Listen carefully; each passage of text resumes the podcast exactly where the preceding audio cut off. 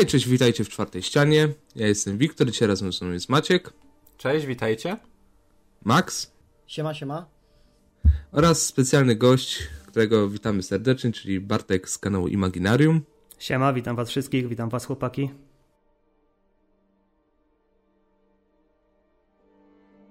Pewnie zastanawiacie się, po co się tutaj zebraliśmy. A zebrał, w sumie tak zjednoczył nas y, pewien temat, y, o którym no dość głośno się ostatnio dzieje, a mało kto o nim wspomina. Czyli o aktualnej sytuacji Warner Brothers, a konkretnie oddziału Wizarding World, czyli po prostu serii filmowych Harry Potter oraz y, Fantastyczne Zwierzęta. I no, z tego co wiemy, no nie dzieje się za dobrze. Ale może tak y, od początku, po kolei, żebyście też y, jakby znali nasze stanowiska, znali nasze opinie, to może Bartku, zacznijmy od ciebie. Jak, y, no, do dnia dzisiejszego, po prostu jak podchodziłeś, podchodzisz i jak ci się wydaje, że będziesz podchodził do serii Harry Potter i Fantastyczne Zwierzęta, ale tak, żeby też nie było, że to łączymy, tak, żeby osobno. Żeby też Harry'ego Pottera z tymi fantastycznymi zwierzętami nie łączyć, tak. Bo wstyd. Bo wstyd. Jasne, y, wiesz, ciężko jest mi rozmawiać o Harrym Potterze y, w taki bardzo mm, obiektywny sposób, bo jest to duża część mojego dzieciństwa. E, wychowałem się na Harrym Potterze, jak pewnie również i wy. Harry Potter i Kamień Filozoficzny był pierwszą książką, którą przeczytałem, taką naprawdę poważną książką, nazwijmy to, z takiej poważniejszej literatury, nie, nie, nie, nie takiej bardzo dziecięcej. Chociaż również uważam, że Harry Potter jest, literatur, jest książką dla dzieci, szczególnie te pierwsze części, Kamień Filozoficzny, Komnata Tajemnic. E, to są książki dla dzieci, one dopiero potem troszeczkę poszły w takie poważniejsze tony zaczęły uderzać, ale na początku no, były to książki dla dzieci. Ale ciężko jest mi rozmawiać o tym w sposób obiektywny, ponieważ, tak jak powiedziałem, jest to część, część mojego dzieciństwa. Mm, no i jednak duża nostalgia wjeżdża, kiedy oglądam Harry'ego Pottera, kiedy czytam go jeszcze raz, kiedy oglądam Fantastyczne Zwierzęta.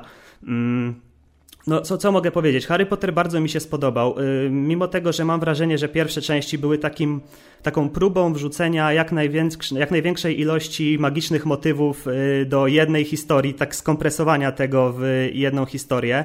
Yy, zresztą możecie, wystarczy spojrzeć, jak te książki mm, się rozwijają, jak, jak one są y, długie, gdzie kamień filozoficzny ma ze, z 200 stron może, to jest wszystko, nie?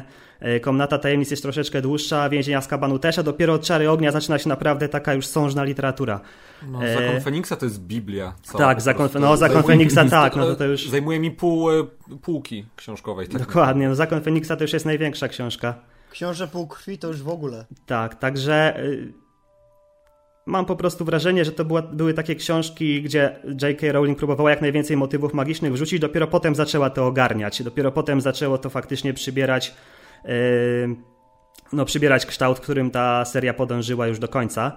Yy, a jeśli chodzi o fantastyczne zwierzęta, to ja znam wszystkie wady tej serii, yy, tych filmów, ale jednocześnie y, dla mnie, jako dla fana Harry'ego Pottera, y, fantastyczne zwierzęta są po to, żeby pójść do kina, zapłacić 30-40 zł twórcom i po prostu oglądać sobie jeszcze ten magiczny świat, tak? Cieszę się, że w ogóle jest, że w ogóle jeszcze y, jest, ktoś mi daje ten magiczny świat. Więc podchodzę do tego też bardzo nieobiektywnie, tak jak zacząłem, ponieważ z dużą dozą nostalgii, mi się te filmy podobają, ponieważ ja po prostu siedzę sobie i znowu mogę się wchłonąć w magiczny świat, czego mi przez długi czas brakowało. Ale wiem, że te filmy nie są dobre, tak od obiektywnej, jeśli patrząc na to obiektywnie. Yy, dobra, to może teraz yy, Max. Mm, ja całą serię bardzo lubię, jeśli chodzi o Pottera oczywiście. No to też tak jak w zasadzie jak Smoczy. Moja przygoda mocno z książkami się zaczęła obok E, Lwa Czarownicy i Starej Szafy właśnie z kamieniem filozoficznym. I to też tak wkręciłem się jako dzieciak w czytanie tego. No i też wychodziły regularnie również filmy.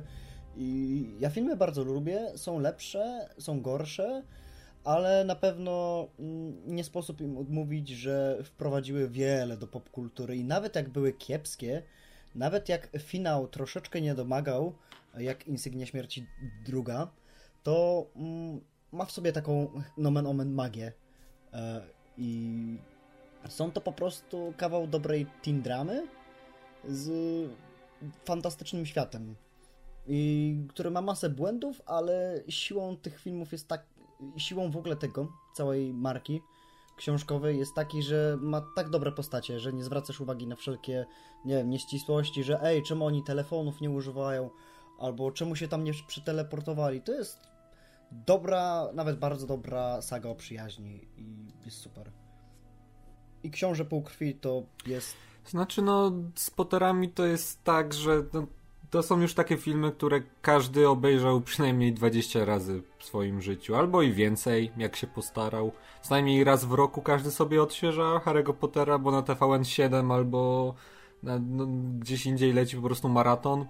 No i w sumie spoko, bo no te filmy, trochę do, do, dorastaliśmy na tych filmach, niektórzy na książkach. Ja miałem tego pecha, że no nigdy nie umiałem się tej książki zabrać i dopiero je przeczytałem jak byłem trochę starszy i może dlatego bardziej wolę filmy mimo wszystko, ale właśnie czym te filmy moim zdaniem zaplusowały? Tym, że każdy z nich jakoś rozbudował uniwersum, że ono się stawało coraz pełniejsze z każdą kolejną książką, że te relacje bohaterów dojrzewały, że bohaterowie dojrzewali no trochę właśnie razem z nami.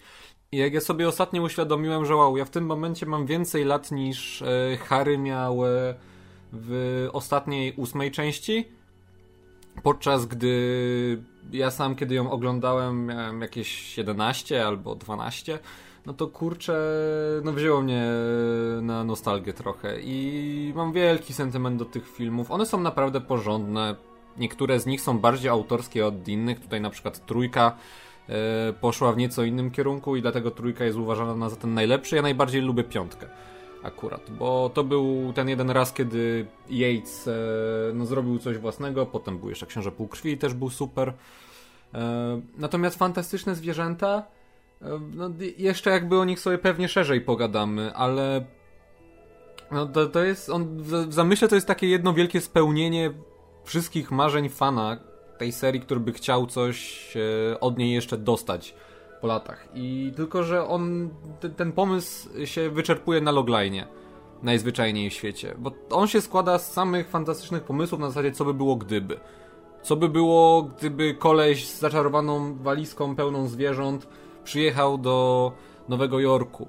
Co by było, gdyby okazało się, że tak naprawdę Dumbledorów było trzech? Co by było, gdyby, co by było, gdyby e, Johnny Depp zagrał Gellerta Grindelwalda?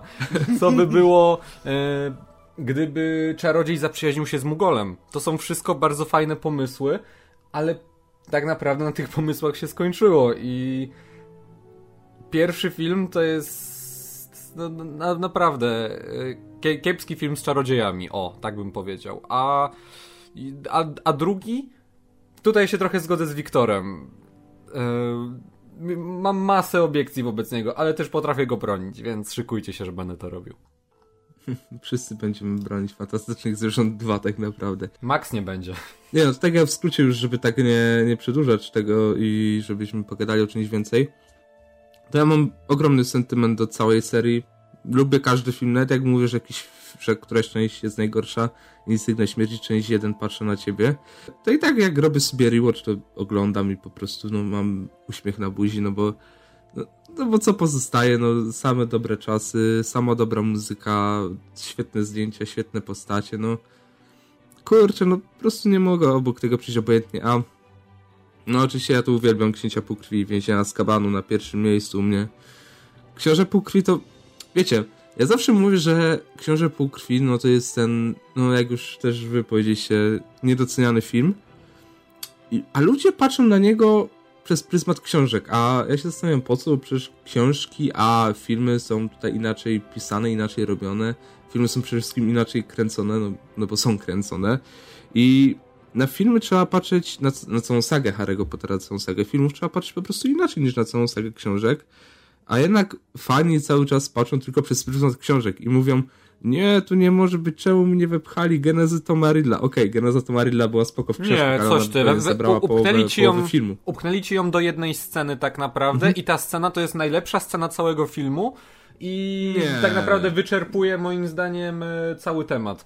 To nie potrzebowałeś żadnych dodatkowych scen, gdzie on przychodzi do gabinetu Dumbledora, mając już czerwone oczy i chce strasznie zyskać miecz e, Gryffindora, a Dumbledore mu mówi, o nie, absolutnie. E, no, no, no. Chciałbym. Nie no, a no, a Księże Półkrwi no, naprawdę ma dużo elementów, które Yates zaimplementował. Ja dalej na przykład potrafię sobie, nawet jak mam kiepski humor, to sobie puścić Księcia Półkrwi i po prostu już wow. Książę Półkrwi humor Gituwa. Wszystko jest dobrze, no.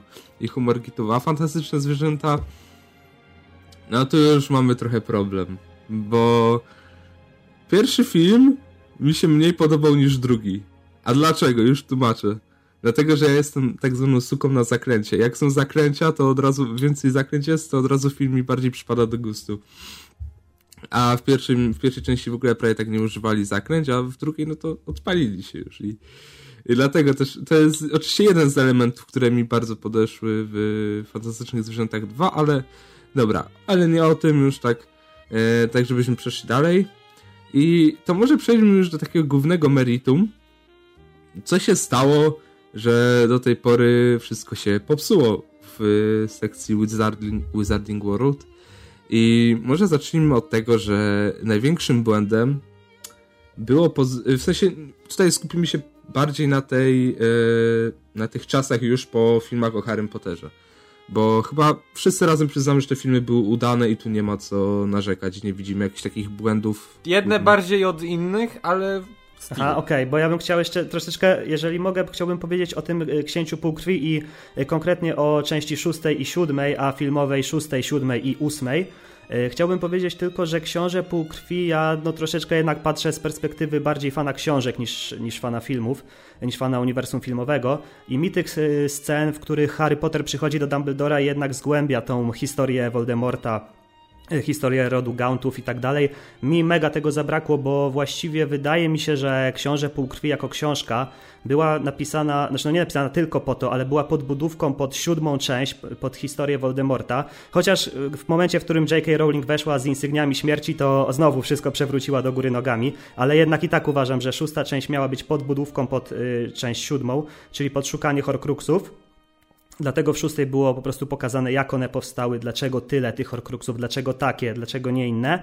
A w filmie bardzo zostało to spłaszczone i to mi się trochę nie podobało. Ogólnie film doceniam, y, Księcia Półkrwi, podobał mi się, ale ta, ta właśnie jedna rzecz, o której mówiliście, mi się nie podobała osobiście. No i pierwsza część y, z ostatnich dwóch części była bardzo słaba, ale ona musiała być po to, żeby już ta druga mogła być w pełni tak epicka, jak właśnie była. Mm. Bitwę o Hogwart uważam za fantastyczną i w ogóle ostatnią część Harry'ego Pottera uważam też za fantastyczną. Podobała mi się chyba najbardziej ze wszystkich, może poza Więźniem Azkabanu. E, Oj, plus I jeden, jeszcze... smoczku, plus jeden. I jeszcze dodatkowo w tym, w tym filmie są trzy cytaty z Harry'ego Pottera, które są moimi ulubionymi w całej sadze. Także no nie mogło być inaczej. Ja uwielbiam ostatnią część. So always? Nie, nie, absolutnie nie. E, pierwszym z nich always. jest to słuszność idei zaprowadzi nas do sukcesu, a nie ilość jej wyznawców. Czyje to słowa? Moje. Druga, druga, drugie to jest oczywiście, że to się y, Lupina. O, to tak, to prawda. Drugie to było oczywiście Harry, że to się dzieje w twojej głowie, ale skąd w takim razie u licha masz takie przeświadczenie, że nie dzieje się to naprawdę? I trzecie to jest cieszę się, że żyjesz Potter. To jest świetne podsumowanie profesor McGonagall, która taką, jest taką surową babką, ale jednak jest bardzo dobrą kobietą i po prostu w swoim stylu podsumowała, nie? Uwielbiam Taka to. bardzo dobra nauczycielka. Tak. Jak ja widzę tą scenę, to mam ciary od razu od, od dołu do góry, nie? Uwielbiam ten cytat. McGonagall w ogóle ona dostaje fakie moment swój w ogóle w tym filmie i... Bo ona ma dwa fakie momenty nawet. Nawet, czy nawet więcej. Yy, najpierw jak walczy ze snajpem, a potem jak przyzywa posągi. I w ogóle wam powiem, że to jest coś, co akurat jest mocną siłą reżysera tych ostatnich czterech filmów, czyli momenty. Yates potrafi w epickie momenty i ósemka po prostu jest ich pełna. Przy czym ta scena, e, to są dwie moje ulubione sceny z ósemki. Pierwsza, kiedy szykują się do obrony Hogwartu, tam wszyscy łażą, planują.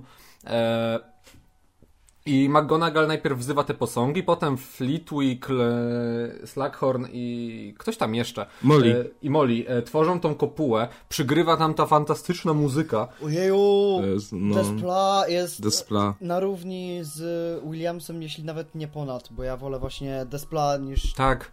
Więc to. A, Fa- Nicolas Hooper też zrobił dobry soundtrack. Nie, no No, pewnie. ja wolę ale- soundtrack Despla niż y, Williamsa. Ale też Despla zrobił jeszcze jeden doskonały motyw, który jest w drugiej ulubionej scenie, czyli.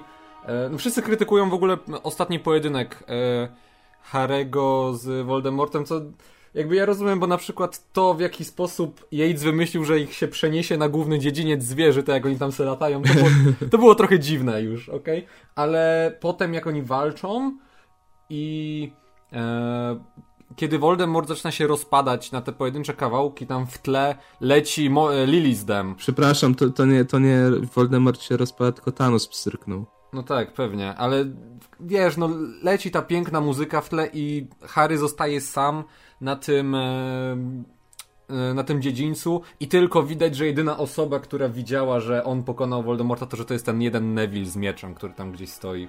Kurczę. I to Neville był wybrańcem. Ale, no Neville pewnie, ale ciary były przez, bo przez cały ten film mam ciary po prostu i on jest, e, to jest świetne zwieńczenie serii, bardzo nienachalne.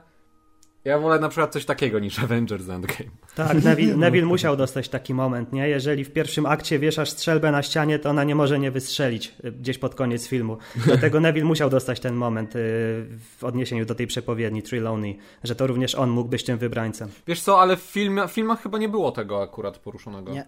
Ale dla Mm, tych, nie, co czytali, ale, ale ci, co czytali książki, to Tak, wiedzą, tak, tak. Więc dla na, co nasze, to nasze. Znaczy, znaczy z filmów, no możemy wywnioskować, że skoro przepowiednia odnosiła się do Harego i tylko on mógł ją odczytać, no to Harry był wybrańcem, więc... Choć w sumie Neville też ją widział, więc w jakiś to sposób można... Tak, mogło... bo, ale Harry był wybrańcem, dlatego że Voldemort go wybrał, a przepowiednia mówiła o chłopcu urodzonym właśnie w tym okresie. Teraz już nie pamiętam dokładnie, czy był koniec czerwca czy lipca, pewnie mnie zjadą w komentarzach. Lipca. E, Lipca, tak, że o chłopcu urodzonym w ko- po- pod koniec lipca, E, więc y, to było, to było w ten sposób, że Harry mógł być tym wybrańcem lub mógł być nim Neville i o tym decydował Voldemort. Po prostu ten, którego wybrał, był tym wybrańcem, nie?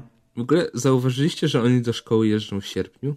Przerąbane trochę, ale y, w tym, na uniwerkach, y, a brytyjskich też tak masz. Tak? Jakby no 10 dni przed zajęciem, przed w ogóle rozpoczęciem roku szkolnego, to już le lecisz na ten, na uniwerek. Do Essexa na przykład, albo do... A to nawet nie widziałem. To nie wiedziałem. Zawsze się czegoś można dowiedzieć. Mi się nie do końca podoba ostatnia część pod względem, jeśli chodzi o film. Jakby mam wrażenie, że tam wszystko jest, jest super, ładne.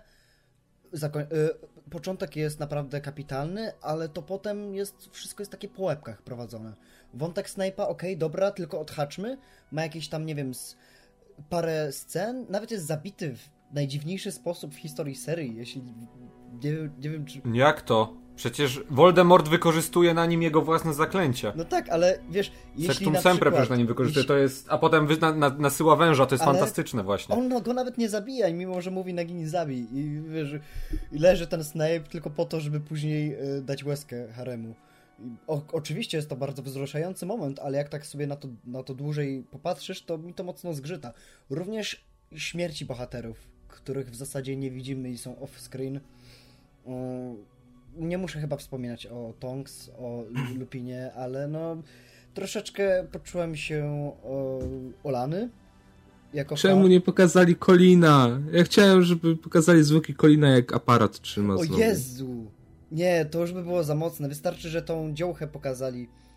Ta, co To mogli chociaż śmierć Freda pokazać. Nie, ale wtedy, wiesz, żeby wtedy Erkę dodali, jakby zabili dzieci. Chociaż nie no, Colin już by miał wtedy po chyba 15 lat. No właśnie nie, bo on był, on miałby 16. No to, to okej, no to spoko, zabijajcie dzieciaka, dla mnie nie ma Ale problemu. że nie pokazali śmierci Freda, to ja dalej... Pokazali przecież W chyba. sensie pokazali tylko, że leży. Ale ja nie wiem dlaczego, No. bo, bo Był tam przebłysk, że go ktoś zabija i że Moli na to Nie, nie, nie, nie, nie, nie, nie zabija. W sensie oni pojedynkowali się. Aha. W sensie, bo w książce, o ile dobrze pamiętam, to na niego gruzy spadły chyba, nie? Tak, tak, ściana się na niego Mhm. przewróciła. No. E, Ale właśnie co jest dziwne, pokazali śmierć Lavender Brown, którą z, zżera Fenrir Greyback. no właśnie. E, Albo palone dziecko, jak spada z tych.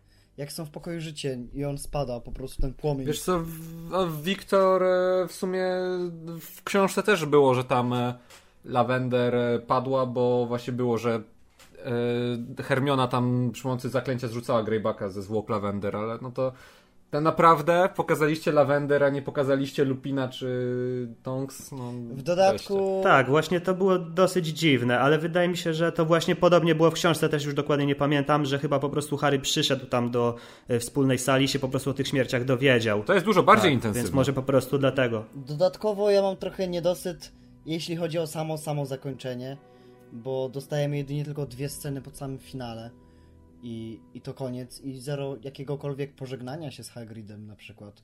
Bo to jest tylko takie, o, Harry, go przytula. I tyle. I, i tak no. jest mocny niedosyt, ale jak sobie tak patrzę, co mógł, wiesz, Czas ich, jak sobie tak troszkę. patrzę, co mógłby zrobić Yates teraz, to film jest znakomity. A, i jeden jeszcze plus, za co nie wiem, e, czy porusz... na, na pewno nie poruszaliście. Bardzo mi się podoba, że w filmach bohaterowie są starsi, w sensie obsada jest starsza, bo wtedy bardziej wierzę w to, że osoby są, do, że bohaterowie są w stanie zrobić jakąś, wiesz, czynność. Ale tylko parę lat starsi, no jak na przykład nagrywali Księcia Półkrwi, to Daniel Radcliffe miał 18 lat, no to... No tak, ale mimo wszystko masz Radcliffe'a z brodą taką. Dodaję troszeczkę tutaj do takiej badasiarskości. No ale Harry też miał brodę, więc... No tak, ale tym, dalej był 15-latkiem. W książce. No, w sumie, no... A ja, a ja może zarzucę minusem bo e, do Insygnium Śmierci 2, no bo przypomnijmy, wielka bitwa o Hogwart, wielka wojna czarodziejów, wszyscy się napieprzają, a dostajemy tylko dwie sceny. No i bardzo dobrze, bo to nie bitwa jest najważniejsza, najważniejsze jest to, żeby załatwić Voldemort. No kurde, no każdy by chciał zobaczyć, jak chociaż przez chwilę, jak się napierniczają tą, tą epickość, że... była epickość, był ten one shot jeden, były pająki. No, były dwa one-shoty. Był y, one-shot jak y, McGonagall odpala statuły, y, potem jak Neville odpala i już wtedy zaczyna się pierwsza bitwa o Hogwart. A druga bitwa o Hogwart była o wiele skromniejsza niż pierwsza i to tak trochę mnie bolało. A mi się bardzo podobało, że ta druga była bardzo skromna, bo była skupiona raczej na emocjach e... Voldemort i Harry. Ja jednak wolę pierwszą, jak Oliver Wood przylatuje, ale dobra. Eee, Chcecie coś jeszcze dodać, czy możemy przechodzić dalej? Nie, to wszystko. Chyba możemy iść dalej. Okej, okay. dobra, to wreszcie przejdźmy do tego punktu, na który y, wszyscy czekają najbardziej. Y, czyli co się stało, że się zepsuło w Warnerze. Bo jak już ustaliliśmy, to filmy o Harrym Potterze, to do, do nich nie, wol, nie można się przyczepiać, nie wolno się przyczepiać nawet, bo to nie wypada. Nostalgia. Chyba, że do czwórki. Proszę czwórkę zostawić. No i zacznijmy od tego, że jak się filmy skończyły, to ludzie chcieli, żeby ta marka jakoś powróciła. Nie, nie, poczekaj, inaczej. Kiedy skończyły się filmy, kiedy skończyła się seria Harry Potterze, Warner Bros. stracił coroczny sezon na zarabianie pieniędzy. Nie, nie, nie, nie, nie. Zyskał nowy w postaci Tolkiena, z którym nie był do końca pewny, ale zyskał na jakiś czas. Znaczy, Tolkiena. mówisz o Hobbicie, tak? Tak, tak. Miał być co roku. Okej, okay, ale to prawda i Hobbit na pewno zarabiał duże pieniądze, jednak Harry Potter, e, wiesz co, e, tol, e, nowy Tolkien, trzy filmy, każdy nawet jakby zarobił miliard, no to Harry Pottery podejrzewam, no to jest jedna z najbardziej zarabiających franczyz filmowych w historii mhm. i co roku te pieniądze przypływały, więc już pewnie wtedy jak się skończyły, to już kmili, co by z tymi Potterami zrobić. A może by tak o tych... Zwłaszcza, że tak e, naprawdę o... dwa ostatnie filmy miały największy budżet, no bo powiedzmy sobie szczerze, Instynia Śmierci to miał być jeden film i miały po 250 milionów dolarów budżetu, Księża Półkrwi Instynia Śmierci, no ale no, no tak czy siak zarobiły, więc ja tu nie widzę jakiegoś takiego e, wow, w sensie no te filmy zarabiały i będą zarabiać na nie pewno. No, nawet, ins... nawet Fantastyczne Zwierzęta 2 coś zarobiły, więc... Insygnia śmierci skrzywdziły bardzo przemysł filmowy, ponieważ przez to, że je podzielono na dwa i w sumie słusznie, bo to tutaj działa akurat spoko, to hmm. wtedy zaczęło, zaczął się zalew e, podziału ostatnich części o, ta, e, na no. dwie. I stąd na przykład mieliśmy Igrzyska Śmierci, część 1 i 2, w sensie Kosogłos. Mieliśmy Niezgodną, która też była dzielona na dwa, ale drugi film Avengers. nie powstał. No też. No, mm, to może tak y, też, żebyście poznali, co według nas wpłynęło też jakby na to, że no ta seria Wizarding World upadła, no to mm, może przejdźmy do faktów najpierw, czyli wpływ J.K. Rowling na serię. Mm, czy uważacie, że J.K. Rowling przez to, że została i dalej nadzorowała i miała taki duży wpływ na, no, na to, jak się marka rozwijała po prostu, nieważne w jakiej formie już, po tych filmach, czy to jest ten czynnik taki główny, który to zapoczątkował ten zjazd w dół i tylko jakby, no powiedzmy sobie takie, tak szczerze, takie skakanie na kasę, trochę skakanie na nostalgię, czy jednak doszło do tego coś więcej? To znaczy mówimy o wpływie J.K. Rowling, tak? E, tak, bo tak e, najpierw między sobą pogadamy o tym, a potem mm, do tego, co tak naprawdę jest. No wiesz co, to, no, to, to wydaje mi się, że J.K. Rowling miała mimo wszystko dobre intencje, bo chciała rozwijać to uniwersum. Jakby zakładano, że ona jest jego matką, a matka najlepiej wie, co dla. Yy, co, co zrobić ze swoimi dziećmi.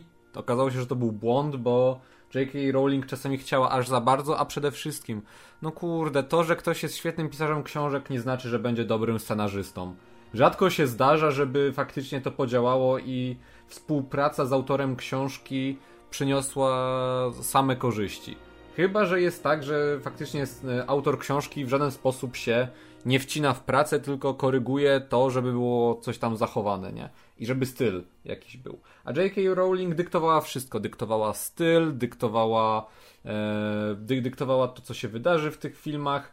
To ona namaściła Yatesa na reżysera tych filmów ona wybierała aktorów razem z nim i castingowcami, no to się nie mogło skończyć dobrze. Nie mogę się nie zgodzić właśnie z tym, co mój poprzednik powiedział, e, ponieważ uważam, że J.K. Rowling napisała świetną sagę, fantastyczną chyba najbardziej kasową, albo jedną z najbardziej kasowych na całym świecie, mm, która, na której wychowało się moje pokolenie i na której wychowuje się pokolenie e, ludzi dużo młodszych ode mnie, co mnie naprawdę szokuje. Mm, ale ona już stworzyła to i powinna odpuścić w momencie, w którym oni chcieli zrobić coś zupełnie nowego. Powinien pojawić się ktoś zupełnie nowy, ze świeżym spojrzeniem. E, tak jak powiedział e, właśnie mój poprzednik, scenarzysta przede wszystkim, nie pisarz, e, który by tylko z J.K. Rowling ewentualnie kreatywnie współpracował. Coś tam starał się dopytać, bardziej jak próbował to w, wkomponować w ten świat, który ona stworzyła. Jeżeli miałby z tym jakieś problemy, to prosił ją o pomoc. Ale J.K. Rowling, to, że ona się wzięła za pisanie tego scenariusza, to moim zdaniem nie było dobre. Eee, tak, także no właściwie tylko tyle mam do powiedzenia mhm. i ja uważam, że zawsze nowe rzeczy to już powinny robić nowe osoby. No, no z tego co widzimy nawet, no to J.K. Rowling tak jakby ona robi tą serię bardziej pod siebie ona to wszystko tworzy tak, jak ona by to chciała. W sensie, no, no wiemy, że to jest jej dziecko, tak jak już to powiedzieliśmy, i ona ma do tego prawa, ale to nie znaczy, że ona nie może jakby odpowiedzieć na prośby fanów. No, odpowiedziała. Bo to, że ona jakby na bieżąco. Nie, bo to jakby.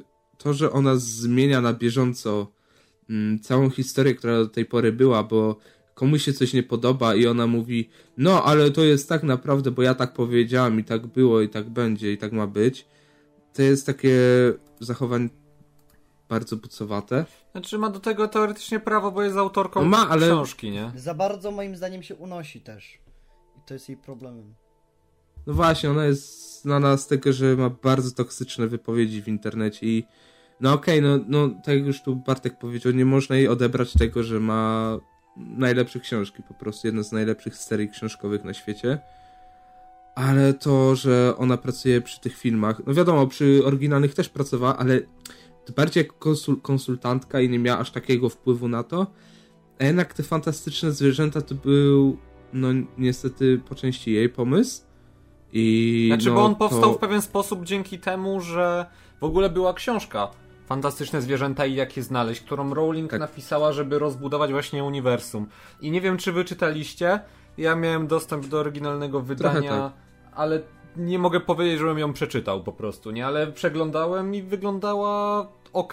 To jest ten cały to jest ten, to jest ten poradnik, tak? Tak, tak. To jest po prostu książka z opisem Tak, magicznych zwierząt, która miała, w Mhm. ogóle była charakteryzowana na książkę, którą y, oni mieli bodajże w trzeciej części, tak? Więźniu Azkabanu.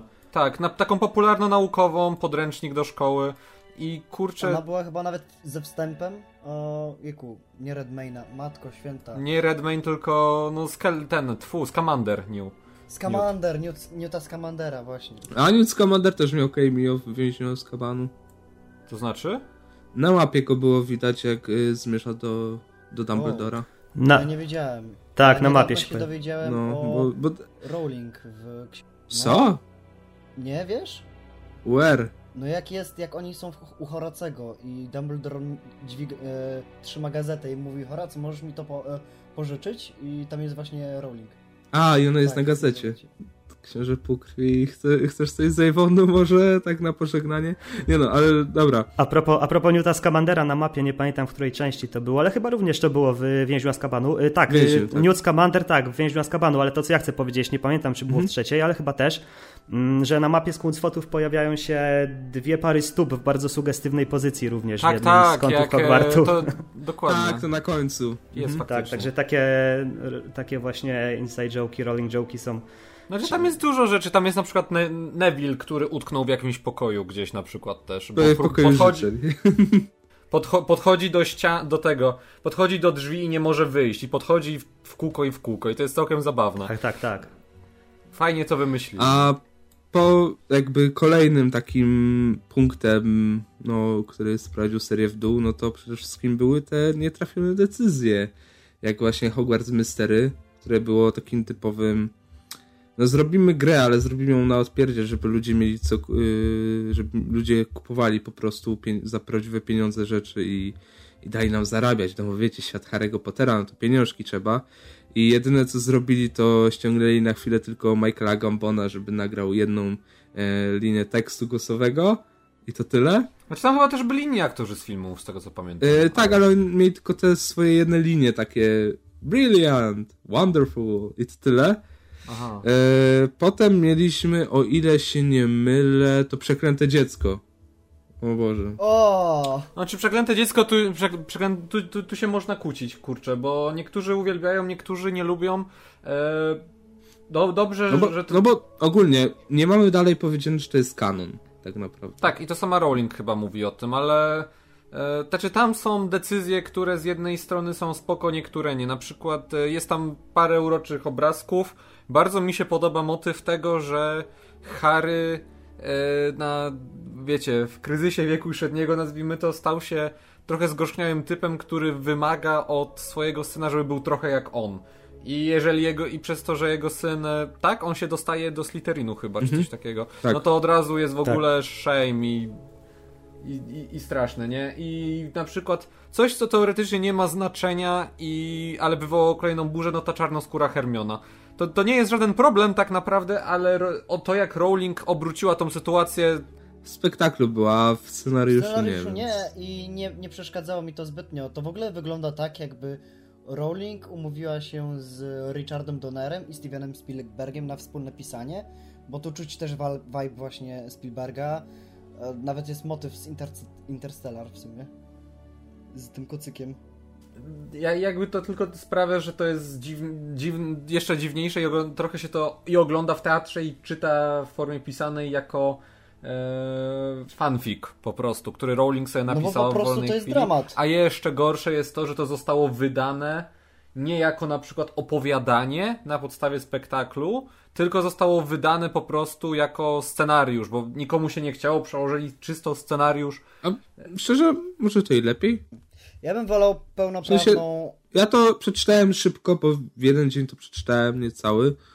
I czuję, że gdyby to była taka pełnoprawna książka, tak napisana po prostu jak książka, to może bym się trochę nawet męczył, a jednak to było dla mnie takie prostsze. No bo dramaty są prostsze. Szybko, strasznie szybko się czyta. Ja bym dalej wolał, żeby to była siód- e, ósma część. I tyle.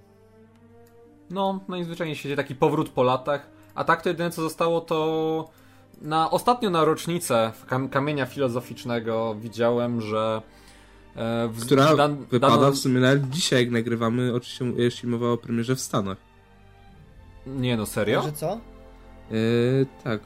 Ale trafiliśmy. Dajmy, to trzeba to zmontować Ale jak najszybciej. Czym, że co? E, jak to nagrywamy w Stanach była premiera 19 lat temu, tak równo. Wow. O. Tego no to ciekawe, nie wiedziałem.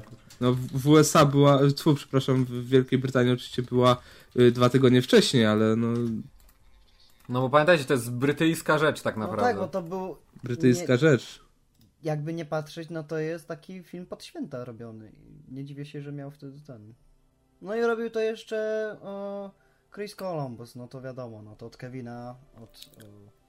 Chciałbym się Was zapytać, e, powiedzcie mi, czy faktycznie e, w Przeklętym Dziecku jest taki motyw, że Harry ciśnie tego swojego tak. syna Albusa Severusa za to, że trafił do tak, Slytherinu, bo ja szczer tak. szczerze powiedziawszy wstyd się przyznać jako fanowi Harry'ego Pottera, chociaż może w sumie nie, że nie czytałem tej książki. Wiem tylko mniej więcej tu, o co tam tutaj chodzi. Tutaj nie ma się czego wstydzić, uwierz Tak. Wiem mniej więcej o co tam chodzi, jaki jest tam główny motyw mhm. fabularny z tym Cedriciem, z tym cofaniem czasu, wiem o tej córce Voldemorta, Delfinie i tak dalej, ale w takim razie zastanowiło mnie to strasznie, bo przecież E, on e, na, na dworcu King's Cross 19 lat później powiedział mu, że jeżeli trafi do Slytherinu, to, to nic się nie stanie, to Slytherin zyska fantastycznego ucznia. To patrz. J.K. Tak, Rowling, tak. no. Trafił do Slytherinu, okay. a potem y, dostał list, że ojciec jest z niego zawiedziony i się do niego nie odzywał przez jakiś czas. Super, no to to jest no niesłychane w takim razie, jest niesłychana nielogiczność dla mnie, ale okej. Okay. Hipokryzja po prostu. Hipokryzja pełną parą. No nie ma sensu to, no.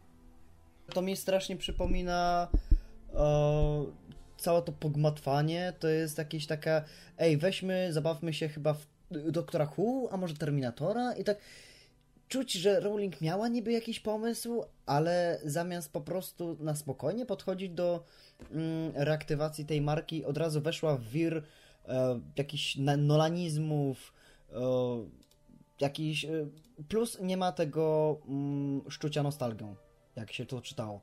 To był jedyny plus. No może... No nie, w ogóle nie ma czucia nostalgią, tylko portret Snape'a na ścianie, który się uśmiecha, kiedy... Walka pomiędzy Draco a Harrym. W ogóle nie masz czucia No nie, nostalgii. no Draco dostał tutaj swój redemption arc. Nie masz McGonagall Dobra, wcale. okay, już. Ale w Fantastycznych Zwierzętach 2 też się pojawiła McGonagall jako... O Jezu, a to o tym zaraz, to o tym zaraz sobie pogadamy, bo to już w ogóle będzie, e, już to w ogóle będzie absurd, powiedzmy.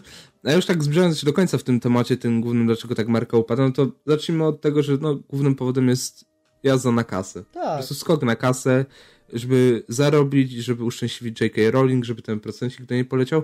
Ale teraz mam do was takie pytanie tak jak z waszej perspektywy, jaki jest taki, poza tymi czynnikami, które wymieniliśmy, jaki jest taki jeden główny, który wpadł na to, że ta marka jednak e, się nie utrzymuje na takim poziomie jak kiedyś?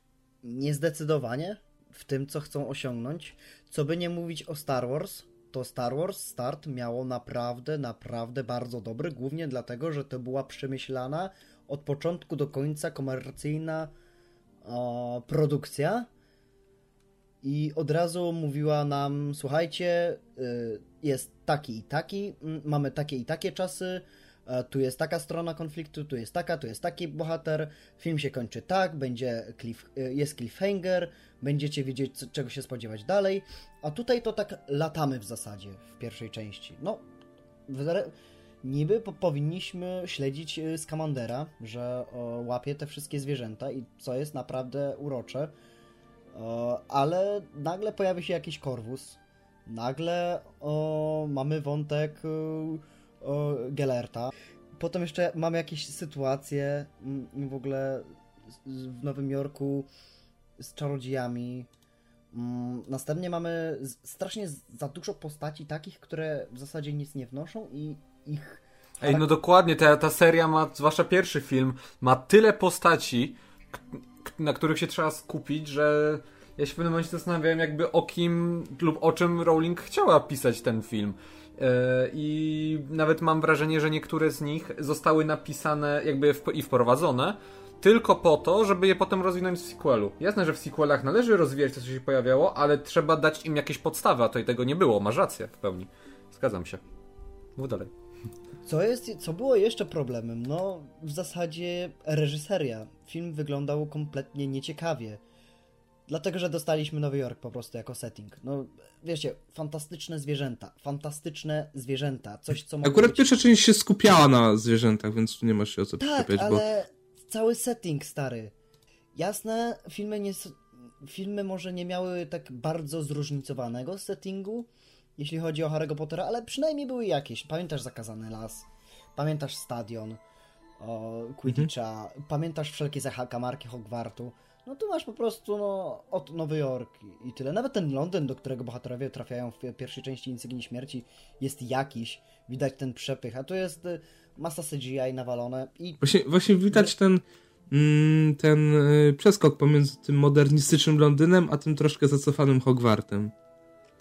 Oczywiście, a tutaj żadnego tam żadnego ta, żadnej takiej kontrastu nie, nie widzisz. No, nawet, no i największy problem moim zdaniem to są też te zwierzęta, które wyglądają nieciekawie i wyjdę na boomera, ale powiem to dlaczego wszystkie są zrobione w CGI? Ja wiem, że ja bym, ja bym wolał mapety.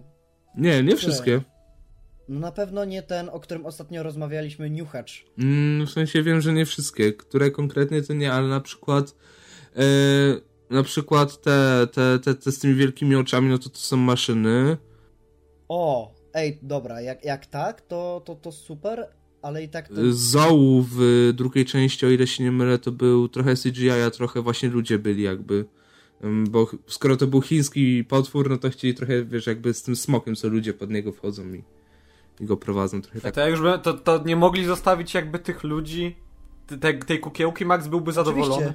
Oczywiście. Ale słuchaj, mm, projekty tych zwierząt są strasznie nieciekawe. To są połączenia innych zwierząt wciśnięte w jeden i no jest sobie kreto, kretokolczatka i to jest niuchacz i jest łasy na kasę. Dziobak. Dziobak. No Kretodziobak. Dziobak, kiku. Nie czytałem Newta Scamandera aż tak do, dokładnie. Ale to w filmie ewidentnie widać. Taki dziobaczek uroczy, jakby. Znaczy, urocze są te zwierzaki, tak, nie? Ale... Niektóre. Niektóre są naprawdę fajne, ale one nie ani. Pamiętasz ich w ogóle. Ja, pamiętasz Niuchacza tylko dlatego, że jest na, na plakacie filmu i tyle. Znaczy, Niuchacza pamiętasz, bo on jeszcze ma przynajmniej. On jest tym głównym gimmickiem tego filmu. Tak, i on ma bardzo fajny jest bardzo fajny pomysł z nim, że on właśnie jest no, suczą na hajs po prostu, że tak powiem. E, I on biega za tymi pieniążkami, że on je trzyma w brzuchu i jak nim potrząsiesz, to z niego wypadają pieniądze. I to jest akurat no całkiem fajne, bo on jest i uroczy. Jest jeszcze i... nos, nosorożec z nowotworem e, na rogu. Tak. E, który... który wydaje dzi pierdzące tak, dźwięki, to jest, jest bardzo ultra potrójnie nieśmieszne. I ten patyczek. I i tyle. Reszty naprawdę nie pamiętam. Ej, to jest ten nieśmiałek. Akurat, akurat to było takie fajne powiedzenie. Nie, on akurat był super. Tak, to było super. To było bardzo super nawiązanie, zwłaszcza do kamienia filozoficznego, gdy... Nie, przepraszam, to Instynkt Śmierci, część pierwsza, gdy Hagrid mówi no, gdy cię tu przywiozłem, to byłeś nie mniejszy niż młody nieśmiałek. Ja takie patrzę, kurde, że te nieśmiałki są faktycznie małe, to jak mały musiał być Harry, nie? ale dobra, ale mniejsza, dobra. Mały, ale wariat. To teraz yy, Bartek, co, yy, co według Ciebie tak wpłynęło? Tak, ja zgadzam się, że to jest totalnie brak jakiegokolwiek planu i też brak, znaczy może nie planu, ale brak przedstawienia tego w klarowny sposób, o co w ogóle będzie chodziło, bo yy, ja pamiętam no, ze swojej perspektywy, że już Harry Potter się tam skończył, od jakiegoś czasu już go nie było, ja już trochę też no, nie zapomniałem y, o tej serii, ale nagle dowiaduję się, że będzie coś z Harry'ego Pottera, nie? I będą jakieś fantastyczne zwierzęta. E, potem dowiaduje się, że to jest w ogóle się to dzieje, będzie się to działo w Stanach, że będzie tam jakiś właśnie e, e, postać z Hogwartu z kolei, ale jednocześnie, że tam też jest jakaś inna szkoła magii, Ilvermorny ona się nazywa, tak? Której nie widzimy ja już, swoją drogą? Tak, której zresztą nie widzimy w ogóle i ja nie wiem, czytałem różne... Lepiej Czytałem różne informacje na ten temat, co tam będzie się działo, co, o co będzie chodziło w ogóle w tych filmach, y, że to będzie na podstawie książki, fantastyczne zwierzęta i jak je znaleźć. Dowiedziałem się, że ta książka to jest opis zwierząt, więc mówię, więc o czym będą te filmy w ogóle? Bo potem się dowiedziałem, że to będzie o, o człowieku, który napisał tą książkę, tak? I że on uwielbia magiczne zwierzęta, opiekuje się nimi. W porządku, no ale co tam będzie się działo? Okazuje się właśnie, tak jak powiedziałem, że jest jakaś inna szkoła, to wie co on będzie do tej szkoły chodził, coś będzie z nią robił. Okazuje się, że w ogóle nie, ta szkoła powstała po to, żeby chyba jakiś tam setting stworzyć w ogóle tego świata w Ameryce, tak? Mm, tylko po to zrobiono tą szkołę. Tak jak mówiliście, że w Gwiezdnych Wojnach bohaterowie również są nowi w najnowszej trylogii faktycznie, ale od razu dostajemy taką tajemnicę i jest powiedziane jasno przyjść do kina, dowiesz się o co będzie chodziło, tak? Y, niczego więcej za bardzo się do tej, na razie nie dowiesz z trailerów, tak? Zobaczysz tylko parę scen, jak tam się nawalają, jak no tam no film na przykład trzyma miecza, tutaj Kylo, Kylo Renowi... No. Tak, a Kylo Renowi wyskakuje miecz y, taki z, z, z krzyża, krzyż się robi i tyle. I okej, okay, idę... Tak, idę do kina i dowiem się o co chodzi. A tutaj są różne informacje, dostaję różne informacje, czytam, ale to wszystko mi się zupełnie nie składało w jedną spójną całość. I ja nie byłem zupełnie nahypowany na ten film, poza tym, że zobaczę coś ze świata Harry'ego Pottera. A na końcu się jeszcze okazuje, że w tym wszystkim jest Grindelwald, więc już totalnie zgłupiałem. Eee, no, także no to moim zdaniem to, to tak osobiście mi to strasznie nie zagrało, że informacje na temat tego, co to właściwie jest, o co właściwie będzie chodziło i do czego to będzie dotyczyło, nie były przedstawione w sposób klarowny mi jako odbiorcy, jako fanowi. E, także no, to tyle właściwie mam do powiedzenia na ten temat. To moim zdaniem jest jeszcze taka kolejna rzecz, która tutaj nie zagrała. Zna, znaczy, no, ja, ja, pamiętam, e, pozwolę sobie przywołać e, taki tytuł recenzji, którą widziałem kiedyś po Fantastycznych Zwierzętach pierwszych. Fantastyczne zwierzęta i jak je spartaczyć. Było, był taki tytuł recenzji i ja się w pełni zgadzam, e, bo pomysł jest jakby spoko, ale oni się zamknęli w strasznej klatce, w klatce. Zamknęli się w klatce tych zwierząt.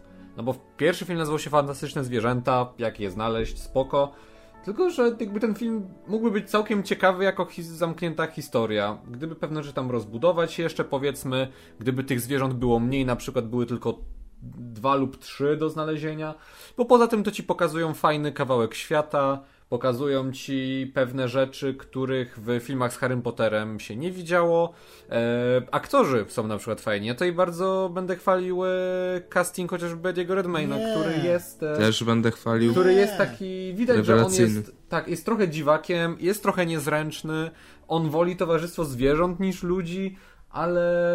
E, no wiem, że to, to, tutaj mnie zadusicie, ale jest bardziej jakiś niż na przykład Harry w filmach, bo Harry w filmach nie jest szczególnie Harry jakąś jest rozbudowaną ale postacią. w żadnym wypadku Redmayne nie wybrzmiewa tak jak miał taki, jaki miał, miała cel Rowling. On po prostu nie jest w stanie tego zrobić. Nie, nie, tutaj po raz kolejny scenariusz za, zawodził, bo Rowling miała, to jest scenariusz reżyseria. Rowling napisała swoje, i po prostu wzięła wyrobnika, Yatesa. Ja nie mam pojęcia, czy Yates chciał robić to znaczy, te filmy w ogóle. Wiesz, e, Yates podobno, podobno chciał, ale on miał na to swoją wizję, ale gdy już podpisał kontrakt, to się dowiedział, że Rowling będzie miała, no po prostu ona będzie mu mówiła, co on ma robić, więc... Mi się bardzo podoba pomysł, że zróbmy takiego outsidera w końcu, no co jest, co jest bardzo dobre, ale no... Takiego introwertyka. To jest tak nietrafione castingowo i, i nawet to nie wychodzi w ogóle w praniu, moim zdaniem. Jak patrzę na. Właśnie wychodzi, właśnie się super prezentuje. No, też moim zdaniem castingowe jest ok, tylko to problemem jest e, jakby przedstawienie Pisanie tego... postaci. Tak, problemem jest pisanie postaci. Mhm, bo no, te postacie nie są szczególnie pisane i e, także ta Aurorka, której imienia w ogóle nie pamiętam. Pamiętam jej siostrę, że ona się chyba nazywa, kurczę, Ta, Trini? Trini, nie. Jakoś Trini. tak. Tini. Tini. Tina Goldstein. Nie, nie, to Tina to jest jej... Nie, to odwrotnie, to Tina to Tina, jest ta... No właśnie, Aha, Tina no to... to jest ta, co w obcym, no w obcym przymierze grała. Kompletnie, kompletnie tego, kompletnie powaliły mi się postacie. Queenie, Queenie, Queenie jest, tak, pamiętam, tak, i Queenie pamiętam. Ona była jakaś. I Qu Qu no była jakaś, bo te... I ona, I ona dostała... przychodzi drogę jakoś. Ale nie w pierwszym filmie. W pierwszym filmie ona nie wiadomo po co jest. I na przykład jest, to też będę bronić. Okej, okay, ten gość, Jacob Kowalski, to jest prze... w ogóle, on jest absolutnie nieśmiesznym comic reliefem. I tutaj serio... teraz powinien mm, wjechać Mariusz Pudzianowski. Polska górą. Ale to jest tak przesympa... to jest tak przesympatyczny gość, naprawdę. I tak uroczo zagrany, że aż mi szkoda. W ogóle Dan Fogler jest ogólnie dobrym aktorem, a tak po takich No tak. Małych... I szkoda było strasznie mi w chwili, kiedy się dowiedziałem, że musimy się z nim pożegnać. Bo ja myślałem, że to jest faktycznie pożegnanie z tą postacią. A tu nie, on wraca w dwójce nagle. I w tej dwójce pałęta się pod nogami, nie mając żadnego sensu. A to mówimy na, teraz już o dwójce, czy jeszcze, jeszcze nie? Nie, jeszcze o A, no jedynce. No tylko... W ogóle, nie wiem, dla mnie Kowalski wygląda jak zrobienie takiego... Był taki serial... Uh, uh, Laurel i, i Hardy. I to było Flippy Flap. Nie, Flip Flap po polsku. A, ty, ty, ty, I on wygląda dokładnie jak ta wersja, tylko że nie śmieszna w ogóle. To ma być... Jeku, ten film był w 2016 roku, a śmieją się z... bo gruby, bo gruby jest, nie może się wcisnąć w walizkę. Bo... No pewnie nie, ale jakby to jest na tyle jakby takie właśnie... Nie widzę tu grubych. jest na tyle urocze i kochane, że jakby on jest jednym z najjaśniejszych elementów filmu każdy kolejny żart w Asterixie o grubym Obelixie jest śmieszny i trafiony i za każdym razem bawi niż to. Po, pomijając to, że gościnny miał o wiele lepszy talent do humoru i tak dalej. I wprowadzenia tego. I pisarstwa. No i jeszcze, jeszcze jedna kwestia. E, Grindelwald, bo to Bartek powiedział. O. What the fuck? Co on robi w tym filmie? I... A, wiesz, A jak robi? już jest, to dlaczego Johnny Depp? Znaczy, ja nie mówię, że to był zły pomysł, Super tylko... wypadł. No tak, wypadł fajnie, ale miałeś Colina. Colin by... był dużo lepszym Grindelwaldem. Był całkiem fajnym antagonistą, po czym w ostatniej chwili zmienia się w tego blond wąsacza. Właśnie z Farelem był ten problem, że on bardziej nie grał Grindelwalda, a gościa, który się ukrywa. No, a, a Depp y, właśnie już jak po tym jak go zdemaskowali, to on już po prostu nie, nie musiał się ukrywać. No już, na pełnym Deppie wjechał już, no. No już kompletnie wjechał i Depp właśnie według mnie pokazał to takie szaleństwo Grindelwalda, które, którego nie widać na pierwszy rzut oka, a jednak wiesz, że w nim to tak podskórnie siedzi. I ty mimo nawet, że, że go nie znasz, że nie wiesz, co uczynił, to od razu jak go widzisz, to wiesz, że trzeba się go bać. Wiesz co, on wypadł na tyle tutaj... E... Jakby on wypadł pod tym względem, względem spoko, że był innym antagonistą niż Voldemort. Bo Voldemort o, był tak. przerażający, odpychający, obrzydliwy i w sumie karykaturalny aż czasami, aż był śmieszny. W I nastolatkowie go pokonali. On no, nie musiał i te... być bardzo rozbudowany, to było po prostu zło. Nie, nie, nie no, musiał, pewnie, zło. ale Ralph, no zobacz, Ralph Fiennes do dzisiaj się śmiejemy z tego jego he, he, he. A to taki miał być. A Grindelwald... Harry Potter, A Grindelwald jest naprawdę, e, no jest charyzmatyczny przede wszystkim. I nie dziwisz się, że niektórzy ludzie za nim idą. Chociaż jest tak naprawdę magicznym Hitlerem. Jezu, nie! Przejdźmy do dwójki, bo no tam... No jest, ale wiesz, ale jeszcze jest Hitlerem przed Hitlerem tak naprawdę w pewnym sensie, więc... A w którym roku się dzieje akcja tego filmu? Ja nie pamiętam. Zaraz po pierwszej wojnie światowej. No to. Bo mamy wspomnienie, że za tam za dekadę chyba jakoś właśnie będzie ta yy, kolejna wojna. Ale w ogóle, skoro już tak gadamy o fantastycznych zwierzętach, no bo skoro fantastyczne zwierzęta są głównym tematem upadku Warnera, no i na tym się skupiamy, no to pogadajmy już sobie o tym tak już troszkę szerzej, ale już zbliżając powoli do końca tego tematu. Mm, no bo mamy tą trzecią część, która miała pierwotnie... W ogóle o drugiej nie pogadaliśmy, tym... stary, jeszcze. O której? O drugiej w ogóle nie gadaliśmy jeszcze. Właśnie gadamy. A, dobra. Y, no, ale zaraz sobie o tym pogadamy.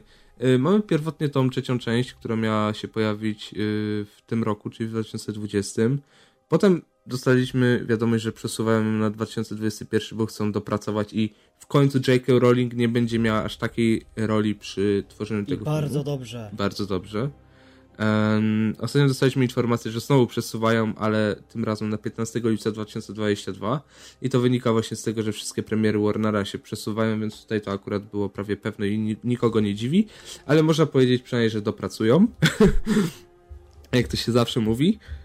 I na razie wiemy, że mamy mieć ten przeskok o 2-3 lata jakoś, mniej więcej.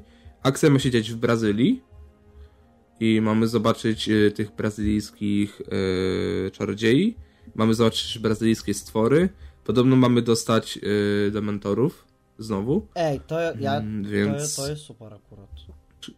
Chciałem zwrócić uwagę na to, że, zawsze, że od początku jak się dowiedzieliśmy o tym, że fantastyczne zwierzęta powstają, to się mówi o tym, że to będzie trylogia, a potem dopiero rozszerzyli to na pięć części. I według mnie to był ten moment, kiedy oni się skapnęli, że wyciągniemy hajs no bo wiadomo, więcej filmów. I coś czuję, że trójka właśnie miała być takim. Pierwotnie właśnie miała być tym zakończeniem te, tych pierwszych dwóch filmów, tym spięciem tych wszystkich wątków. A czuję, że dopiero właśnie w trójce zacznie się dziać taka prawdziwa akcja, że tutaj się te wszystkie skumulowane wątki zbiorą i dostaniemy już taki powoli już początek końca, jak to się mówi, gdzie w czwartej części będzie już wszystko na pełnej i właśnie piąta to będzie to zakończenie, ale trzecia część, no skoro się przesunęła, to obstawiam, że wepchną tam więcej i no pogadajmy sobie teraz o tej drugiej części, skoro tak wszyscy chcą gadać o tej drugiej części, o tych zbrojeniach Grindelwalda, których no będziemy bronić w pewnym sensie.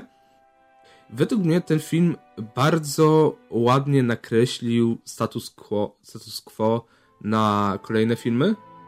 No bo mamy w końcu ten pierwszy bunt czarodziejów, gdzie Grindelwald chce rozpocząć tą kolejną wojnę, e, która, no wiadomo, zmierza do tego, że będzie walczył z Dumbledorem w tym sławnym ich pojedynku, który sławi Dumbledora. Mm, no właśnie mamy to, że oni chcą przejąć władzę i to Mugole mają być ich sługami i tak dalej. E, mamy oczywiście pokazane, no w pewnym sensie, że tak naprawdę Aurorzy nie są w jakiś sposób gorsi od tych fanatyków Grindelwalda, powiedzmy, no bo no widać, że oni też mają z tyłu głowy powiedziane, że po co mamy się zgadzać z ministerstwem, skoro jednak, wiecie, możemy też po swoim. W sensie, mamy pokazane, że w ministerstwie jednak nie pracują wszyscy dobrzy. I nie wiem, jak wy czujecie, ale ja obstawiam, że oni właśnie jakoś nawiążą bardzo mocno w dużym stopniu do fabuły z drugiej części, ją rozwiną, wyjaśnią parę rzeczy, ale też yy, pokażą w pewnym sensie, jak. Yy, mogło to wyglądać? Znaczy, tak, tak. Y, znaczy, w tym momencie, w którym ta seria się obecnie znajduje, nie wyobrażam sobie, jeżeli ma być pięć y, filmów, nie wyobrażam sobie, by pojedynek Dumbledora z Grindelwaldem odbył się już w tym momencie, w trzeciej części. To musi, się, musi to trwać do piątej części, moim zdaniem, i na tym się to powinno skończyć. E, więc nie wiem, co oni chcą jeszcze przez te dwie kolejne części teraz wrzucać. Tak jak mówisz tutaj o jakiejś Brazylii, e, brazylijskich czarodziejach i tak dalej. Ja o tym nie słyszałem. Było, nie, było no o tym się mówiło zaraz etapie, po... Jak, jak, nie było tych wszystkich dram, to też było mówione. Ta, tam było mhm. mówione, że oni odwiedzą e, wszystkie, tam była lista krajów, że najpierw była Ameryka, potem miała być Francja, Brazylia, ale jeszcze miały być Niemcy i coś jeszcze. I Aha, ja bo ja, może Bułgaria? Tylko, że ja, ja kolei... tylko żałuję, że Japonii nie ma, ale to cóż, moje marzenia tylko. O, Japonia, please. Bo ja z kolei teraz słyszałem, że tutaj e, ma być e, młody Tom Riddle, że tutaj ma się Hagrid pojawić, więc skoro to będzie młody Tom Riddle i Hagrid, to chyba w momencie, w którym oni byli w szkole razem. E, wtedy właśnie, kiedy od pier pierwszy raz otwarto komnatę tajemnic, więc ja nie bardzo rozumiem, jak ma się właśnie ten okres i w ogóle Hogwart do Brazylii z kolei. Totalnie nie wiem, jak to, w jakim to kierunku ma zmierzać i za każdym razem w sumie właśnie to jest też e, z fantastycznymi zwierzętami, tak? Że za mhm. każdym razem jestem zaskakiwany totalnie, co tam się po prostu dzieje, nie? No, tak naprawdę mm, z tego co wiemy, no to Hagrid się urodził i w sumie Tom Riddle i Minerva McGonagall się urodzili mocno po tych wydarzeniach, tak bardzo późno po tych wydarzeniach z drugich fantastycznych zwierząt, tak gdzieś obs... Hmm. No tak, ale z McGonagall to nie przeszkadzało, nie, żeby się pojawiła w drugiej części, więc już to nie jest dla mnie żadnym wyznacznikiem w tym momencie. No bo oni to mają gdzieś, przecież Rowling sama nagina sobie e, ramy czasowe tylko po to, żeby wcisnąć jeszcze...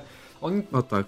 Tak naprawdę druga część to jest e, fanservice The Movie. I ja to zaraz wam dam dokończyć, tylko bo to McGonagall przecież nie jest jedyna, która tam jest wciśnięta po to, żeby siedzą, siedząca żeby na... była. Tak, siedząca na seansie Potterheadka wstała i żegnała. Wie, wie, widzicie, znam ją, znam ją. To jest kamień ona. Filozoficzny. Na nasza McGonagall. Mamy Flamela. To kamień filozoficzny. No tam się Flamel pojawia, dużo jest. No, mamy Dumbledora, który jest jedyną umotywowaną czymś postacią w tym filmie, tak naprawdę. Jude Law, serduszko leci. Yy, tak, chodziło mi o to, że po prostu za każdym razem jestem mega zaskakiwany tym, co się wydarzy. I tak jak byłem strasznie zaskoczony pojawieniem się Grindelwalda w pierwszej części, yy, może trochę mniej yy, pojawieniem się Dumbledora w drugiej części, ale już ten Maledictus, ten jego brat, tam to już te, to też totalnie mnie zaskoczyło. I tak samo boję się, co się zdarzy w tej części, bo yy, tak jak mówicie o tej Brazylii, a tutaj słyszę o Hagridzie, tutaj słyszę o Tomie Ridlu. Yy, tak jak mówiłem, to, że McGonagall się urodziła później i mnie przeszkadzało, więc czy Hagrid, czy Tom, yy, czy Tom Riddle młody mogą się również pojawić, to najwyraźniej nie będzie żadną przeszkodą. I nie wiem po prostu, jak oni chcą te wątki łączyć. Yy, ja nie widzę po prostu, jak to ma zmierzać do tego pojedynku Dumbledora z Grindelwaldem. Może chodzi, może chodzi w jakiś sposób ta Brazylia jest powiązana z tym, że trzeba ten yy, pakt braci y, złamać. O, może ale faktycznie. tak, no ale to, za, to jest to, tak jak mówię, to są tylko moje domysły i ta fabuła nie zmierza moim zdaniem nie, nie, jest nam jasno pokazane, w którym kierunku to zmierza i co, dlaczego będzie się działo. Ja wiem, że to nie, ma, nie mamy niektórych rzeczy wiedzieć przed filmem, ale w przypadku fantastycznych zwierząt ja totalnie nic nie wiem i, i to mnie zawsze po prostu irytuje. Ale tak jak mówiłem na początku, same seanse tak nostalgicznie zawsze mi się podobają. Lubię sobie usiąść i tak odmurzyć się, nie? Obejrzeć sobie. Bo mimo wszystko tak naprawdę dużą robotę robią wizualia i efekty, które no, zawsze stoją na tym najwyższym poziomie i to one nie, nie wiem, czy też u ciebie tak, ale przynajmniej u mnie powodują, w sumie u was, tak ogólnie się spytam, no bo u mnie ogólnie, jeśli widzę efekty ładne, ładne wizualia, podobają mi się kadry, jest ładna muzyka, postacie no tak, jakoś tutaj, wyglądają, no to fabuła Tutaj już... Grindelwald, Protego Diabolika pali tam cały okrąg, wszystkich spala, no to tak, tak, no chce się to oglądać, nie? Oko ma taki jedno, no, tak. nie, Pewnie, no. super no. jest jego wygląd. Aż bym sam zrobił jego cosplaya. No, po tylko... takim czasie bez Harry'ego Pottera jak był, no to trochę brakowało takich rzeczy, więc po prostu nawet totalnie nieuzasadnione fabularnie różne tego typu rzeczy się fajnie ogląda, no to prawda. Oczywiście.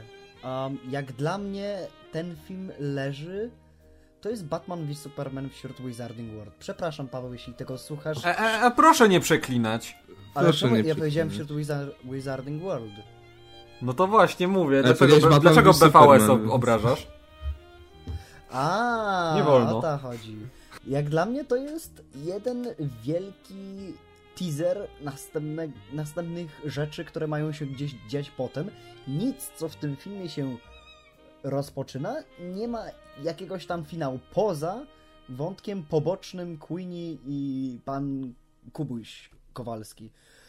I tylko tyle żadna postać nie przechodzi tutaj drogi, po prostu pojawia się ta postać, a następnie pojawia się pod koniec, żeby zakończyć tą swoją drogę i film ci wmawia, ej, bo ona przeszła to, bo, bo jest taka i taka. Jeszcze ci powie, dlaczego to zrobiła. No kurczę, no nie podoba mi się to w ogóle. Co do fantastycznych zwierząt tytułowych, no tutaj nie oszukujmy się, nie pamiętam żadnych, poza tymi dziwnymi kotami w CGI. Te, które się klonują, nie? One, one były, one były, to mi się, bardzo mi się podobał ten pomysł. I w zasadzie tyle, jeśli chodzi o te zwierzęta. Reszta. Dlaczego ograniczamy się tylko i wyłącznie do Hogwartu? Bo wiecie, chwalicie fanserwis, chwalicie, że tęskniliście się za tym, ale dlaczego? Dlaczego nie lepiej zrobić coś zupełnie nowego? a nie ograniczyć się tylko do. Czy, serio, czy ten świat Pottera się ogranicza tylko do szkoły? Ja wiem, że uczysz się całe życie, ale serio to jest jedna szkoła Hogwart i wszystko, co jest związane z tym światem, to tylko i wyłącznie nauka i, i tyle. Nie wiem, już bym, już wolę te spiski polityczne w prequelach Star Wars, bo tam przynajmniej to było coś nowego. Tam przynajmniej, mimo że to wszystko nie grało, chociaż w trzeciej części wręcz przeciwnie, to miało tam jakiś sens i na pewno dawało to dużo świeżości. I tak, dla mnie zmiana Nowego Jorku na Paryż yy, nie robi praktycznie nic nowego. Yy, czuć tu, że to Rowling robi ten film. Yy, serio, obejście sobie jeszcze raz, zrewatchujcie na pewno ten film E, zbrodnie Grindelwalda i wyczujecie dokładnie, w którym momencie kończy się pewien rozdział. Jakby to widać aż na dłoni, że ten film jest taką żywą książką, podzieloną na rozdziały.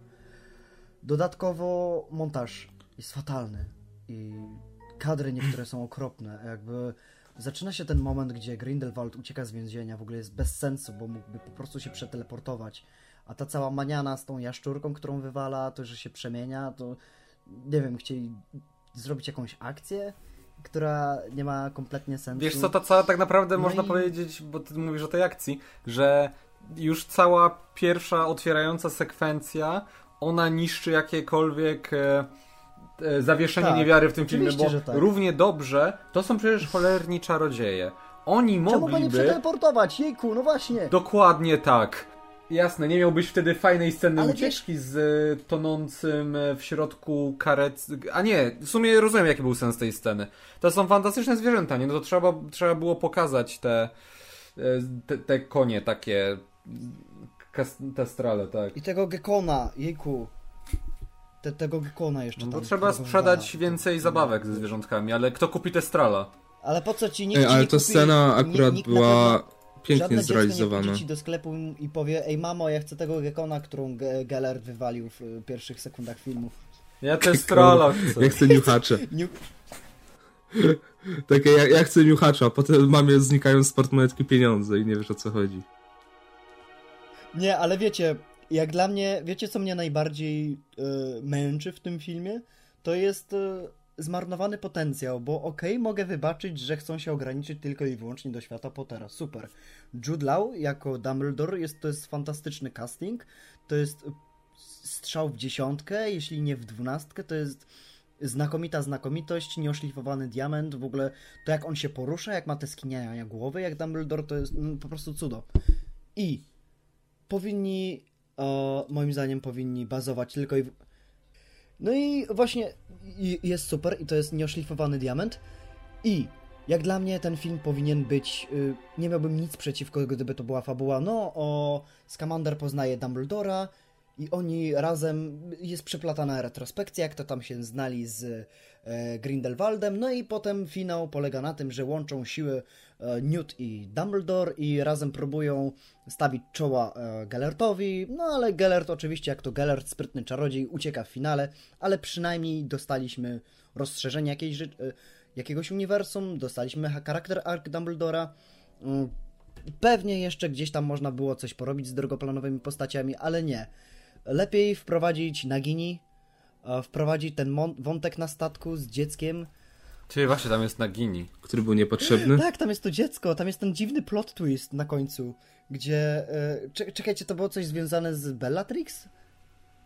Znaczy to był z tą jej... Mm, No bo ona była z rodziny Lestrange'ów. Tak, z Z Lestrange. tą, z tą laską Newta, Po no, co? było. Po co był ten wątek, to ja kompletnie nie wiem. Nagini można by było jeszcze wprowadzić, ale Po, No. Wiesz co, y, finał, y, ten wątek był po to, żeby nam finał nie, zrekompensował. on nawet nie jest dobry, ten finał. Żebyśmy się czuli takie- wynudzeni, a finał nam dostarczył To jest emocji. takie machanie patykami i o, dobra, on zrobi jakąś magię, wiesz co, dobra, to my wyłóżmy, to wbijmy różdżki w ziemię i tyle. Jezu, tam jeszcze był brat Tezeusz? Tak, Tezeusz, ale Jezu, on też super dobra. wypadł. W sensie, ja e, E, tak już... Wypadł super, ale wiesz co, ten film to jest jeden wielki miszmasz wszystkiego. I na tym zakończę. To jest po prostu... Są jakieś pomysły, nie są kompletnie realizowane i to jest... Wrzućmy wszystko, ro- rozłożymy do następnych części.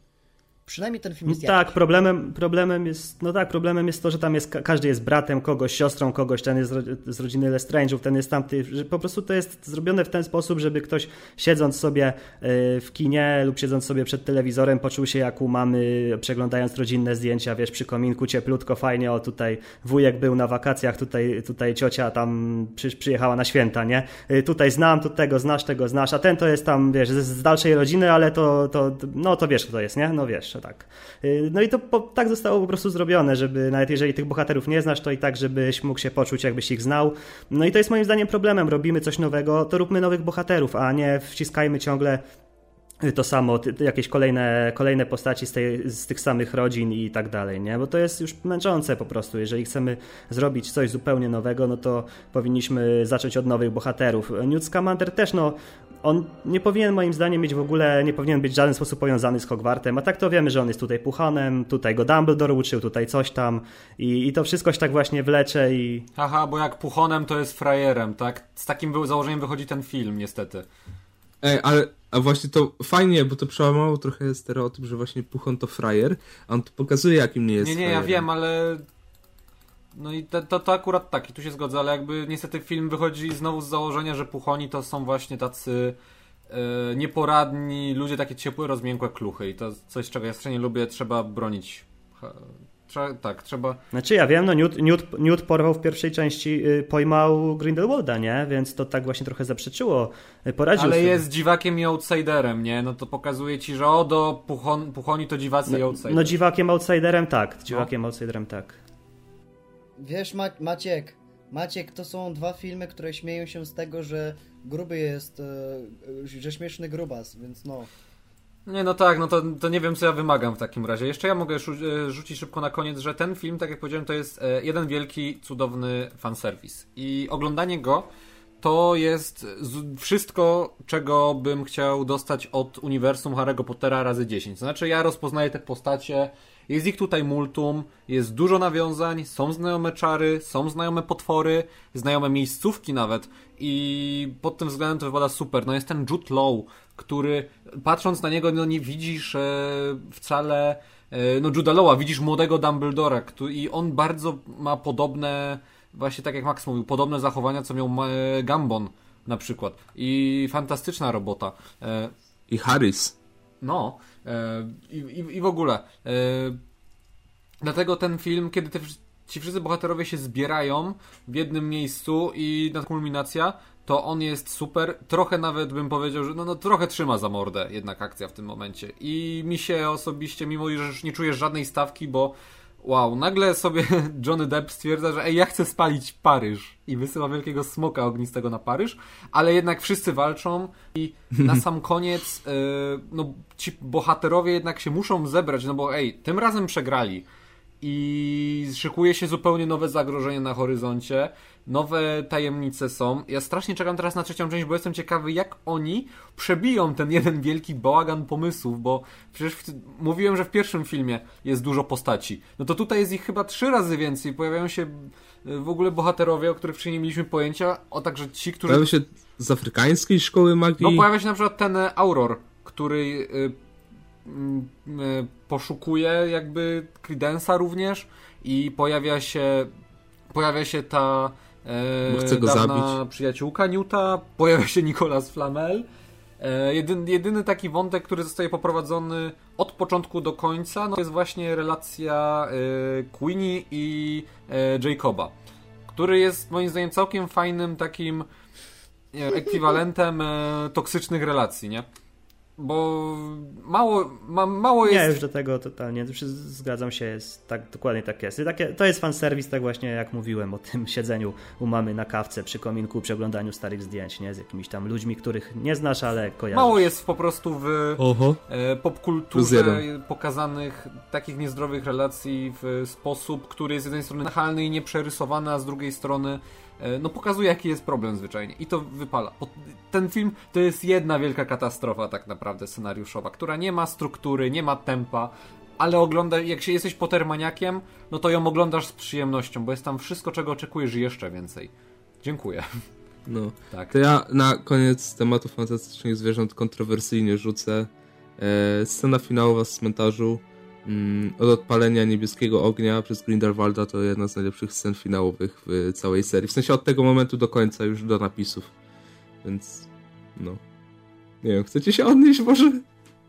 Tak, pro, pro, pro tego Diabolika było super zrobione, naprawdę. Kozacki w ogóle czar, tak jak mówiłem, nie? Że świetnie się to oglądało, no. Tylko no żeby coś jeszcze do tego więcej było, nie, nie tylko takie tego typu czary nie, no, i wszystko. No były emocje, były ciary, w sensie nawet, y, w sensie już mówię też po, na przykład przybycie do Hogwartu, jak już yy, się pojawia ten właśnie jest to duo Dumbledore yy, Scamander. Że tak już legalnie, że tak A to, to, było, to było całkiem ładne, przyznaję, ale reszta, żadne ciary, ja nie czułem nic.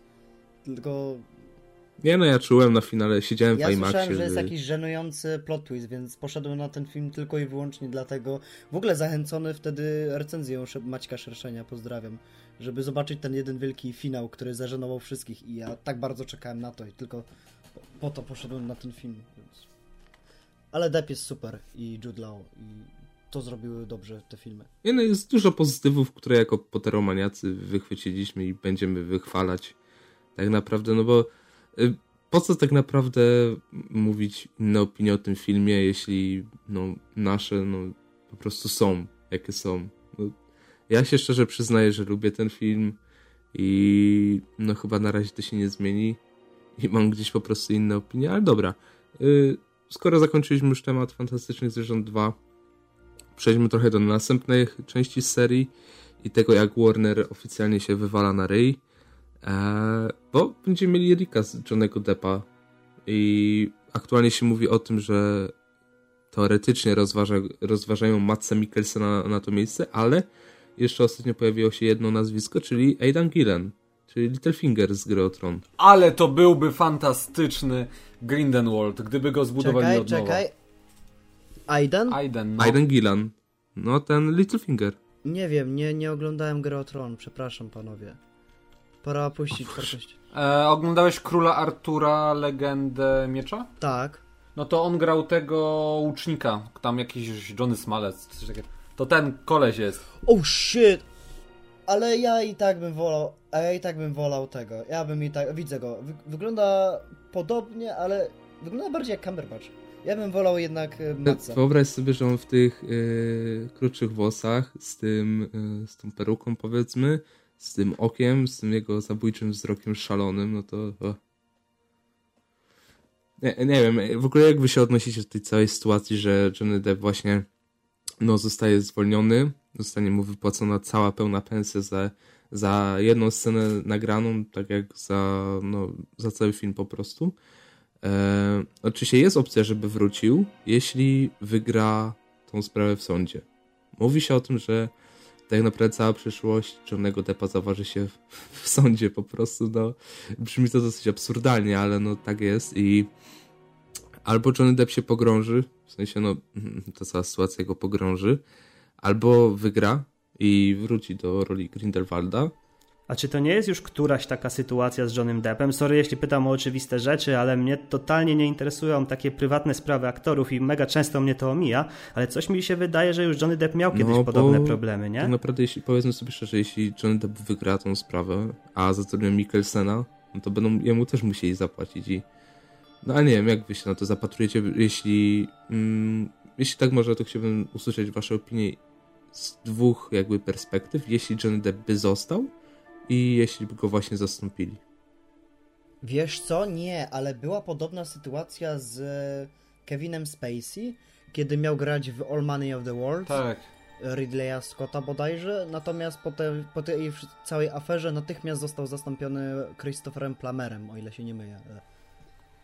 Problem był tylko w tym, że z, w All Money of the World e, no, nakręcili niemal cały film już. W każdym razie, nie, to jeżeli coś mi się wydawało, że on coś z tą Vanessą Paradis, czy tam, że było coś takiego, ale ok- okej. W każdym razie, jeżeli Johnny Depp zostanie zastąpiony, no to nie będzie to dla mnie jakiś wielki problem. Wprawdzie yy, zżyłem się już z nim jako z postacią Grindelwalda, ale z drugiej strony Dumbledore też został zastąpiony. Yy, no może to było trochę łatwiejsze, ale na przykład Flitwick, Flitwick został zastąpiony zupełnie, zupełnie inny człowiek, yy, totalnie odmłodzony. Odmłodzony. Nie. Nie, dalej to. prze- Przecież Warwick Davis od pierwszej części grał. y, Nie, Flitwicka. przecież Flitwick w pierwszych filmach był Nie. taki stary, stary dziaduszek, a Tak. później był... Nie. Czekaj, ju- już ci powiem. No, Warwick Davis. Tylko dopiero jak Quaron, jak Quaron No, może charak- kwestia charakteryzacji pewnie. To był naprawdę ten sam aktor, cały czas ten sam aktor grał Flitwicka? Tego starego dziadka i potem tego młodszego? Nie mogę uwierzyć w to. Totalnie nie, okej, to ja totalnie, ja po prostu byłem pewien, że to jest inny człowiek. Także sorry. No ale widzicie, Quaron sobie zmienił wygląd tak obo miał taki, taką zachciankę i nikt ani nie robił z tego powodu problemu, ani nikt e, w Warnerze nie rozpaczał, o mój Boże, co zrobimy. A tutaj... Dokładnie to właśnie chciałem powiedzieć, yy, że y, postać może w innym filmie wyglądać zupełnie inaczej, ale jeżeli jest dobrze zagrana, to totalnie mi to nie przeszkadza. Nie czuję tutaj, że jest jakaś drama, taka wielka oburzenie, że jak to ma być zastąpione czy coś, ale no niech, niech no tylko zobaczymy bodajże Mik- Mikkelsena w roli Grindelwalda i zagra go dobrze, no to wszyscy nagle zapomną o Depie. To, to, tak zawsze jest w zasadzie. I nie bojmy się No, to No trochę tak, tak, jak tak. z aktorami głosowymi, nie? Że na przykład na przy... w przypadku Gwiezdnych Wojen mamy Łana McGregora, a teraz coraz więcej osób kojarzy Obi-Wana z głosem Arnold... Tfu, przepraszam, tego mm, Arnolda... Kuźwa, Przepraszam, miałem to na końcu języka, a, akurat ten Arnold... John... Obi-Wan. O Boże...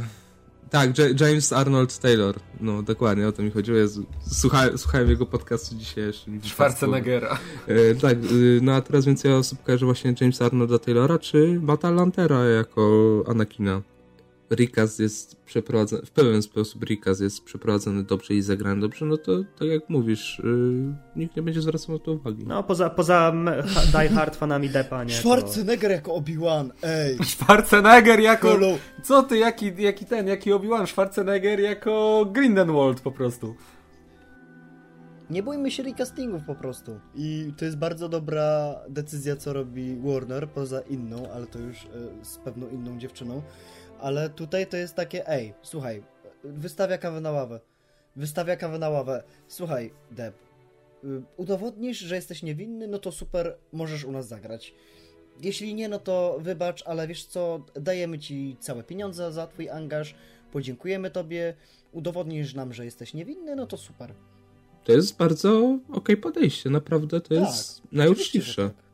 Według mnie uczciwszego wyjścia się nie, nie da. takie chamskie, że ej, słuchaj, bo nie chcemy w ogóle, bo wystarczy, że jesteś oskarżony, to już będziesz nam tutaj oczerniał film, będziesz nam ściągał dół, w dół sławę, to od razu cię rykastujemy, tylko po prostu Niby tak. nam super Da, dalej, Niby tak, tylko jesteśmy... trochę, trochę nie wiadomo, jak długo będzie ten cały proces sądowy przebiegał, nie? Czy, czy, czy zdąży się wybielić, zanim. Tak, ale z postacią gry Gelerta jest o tyle dobrze, że on może zmieniać swoje postacie, swoje No to wygląd. tak. Tak, to było bardzo zręczne, bo on mógłby nawet teraz się w y, Colina Farela znowu wcielić, jakby chciał nawet. No tylko, tylko żeby to jakoś, wiecie, bo wiele osób będzie miało jakby problem z tym, że nie jest to wyjaśnione fabularnie, to żeby wyjaśnili fabularnie, że przygotował taki eliksir wielosokowy, że chciał się zmienić w kogoś, a był efekt uboczny, jakoś źle przygotował i się zmienił na stałe na przykład. No i, no i się zmienił w hmm. Jacka Sparrowa. Sporo. Ej, ale to było śmieszne trochę. Inaczej, bo nie, nie, nie o to chodzi. Chodzi mi o to, że ludzie z góry od razu krzyczą oburzeni, że o, że e, uznajemy, że to Amber Heard jest e, jakby niewinna, a że i z tego powodu i przyznaj, przyznają mi rację i że z tego powodu Johnny Depp wyleciał. A to tak naprawdę wszystko się rozchodzi o ten jeden artykuł w gazecie. Cała awantura na internet przez artykuł w gazecie, w którym nazwano go żonobijcą.